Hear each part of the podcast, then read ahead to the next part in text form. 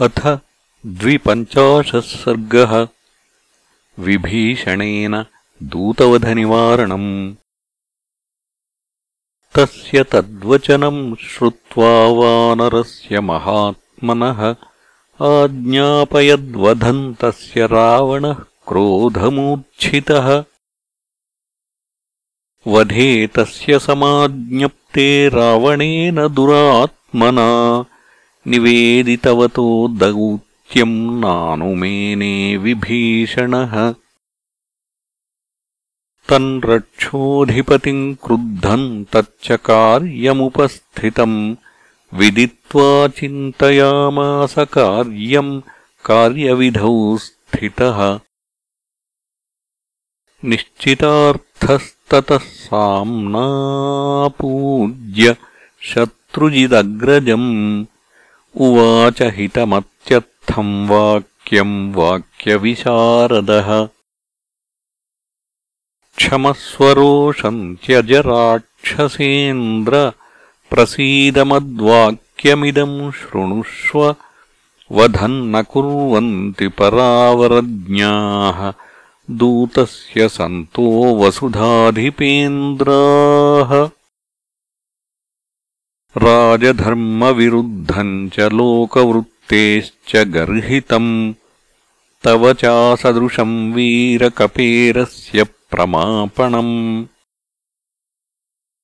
धर्मज्ञश्च कृतज्ञश्च राजधर्मविशारदः। परावरज्ञो भूतानाम् त्वमेव परमार्थवित् गृह्यन्ते यदि रोषेण त्वादृशोऽपि विपश्चितः ततः शास्त्रविपश्चित्त्वम् श्रम एव हि केवलम्। तस्मात्प्रसीदशत्रुघ्नराक्षसेन्द्र दुरासद युक्तायुक्तम् विनिश्चित्य दूतदण्डो विधीयताम्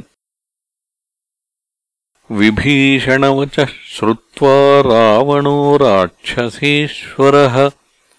रोषेण महताविष्टो वाक्यमुत्तरमब्रवीत्। न पापानाम् वधे पापम् विद्यते शत्रुसूदन। तस्मादेनम् वधिष्यामि वानरम् पापकारिणम् अधर्ममूलम् बहुदोषयुक्तम्। अनार्यदुष्टम् वचनम् निशम्य। उवाच वाक्यम् परमार्थतत्त्वम्। विभीषणो बुद्धिमताम् वरिष्ठः। प्रसीदलङ्केश्वरराक्षसेन्द्र धर्मार्थयुक्तम् वचनम् शृणुष्व दूतानवध्याः समयेषु राजन् सर्वेषु सर्वत्र वदन्ति सन्तः।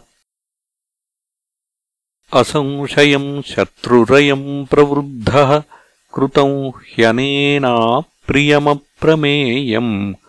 न दूतवध्याम् प्रवदन्ति सन्तो दूतस्य दृष्टा बहवो हि दण्डाः वैरूप्यमङ्गेषु कशाभिघातो मौण्ड्यम् तथा लक्षणसन्निपातः। एतान् हि दूते प्रवदन्ति दण्डान् वधस्तु दूतस्य न श्रुतोऽपि। कथञ्च धर्मार्थविनीतबुद्धिः परावरप्रत्ययनिश्चितार्थः भवद्विधः कोपवशे हि तिष्ठेत् कोपम् नियच्छन्ति हि सत्त्ववन्तः। न धर्मवादे न च लोकवृत्ते न शास्त्रबुद्धिग्रहणेषु चापि। विद्येत कश्चित्तव वीरतुल्यः त्वम् ह्युत्तमः सर्वसुरासुराणाम् पराक्रमोत्साहमनस्विनाम् च सुरासुराणामपि दुर्जयेन त्वया प्रमेयेण सुरेन्द्रसङ्घाः जिताश्च युद्धेष्वसकृन्नरेन्द्राः इत्थम् विधस्यामरदैत्यशत्रोः शूरस्य वीरस्य तवाजितस्य कुर्वन्ति वीरा मनसाप्यलीकम्।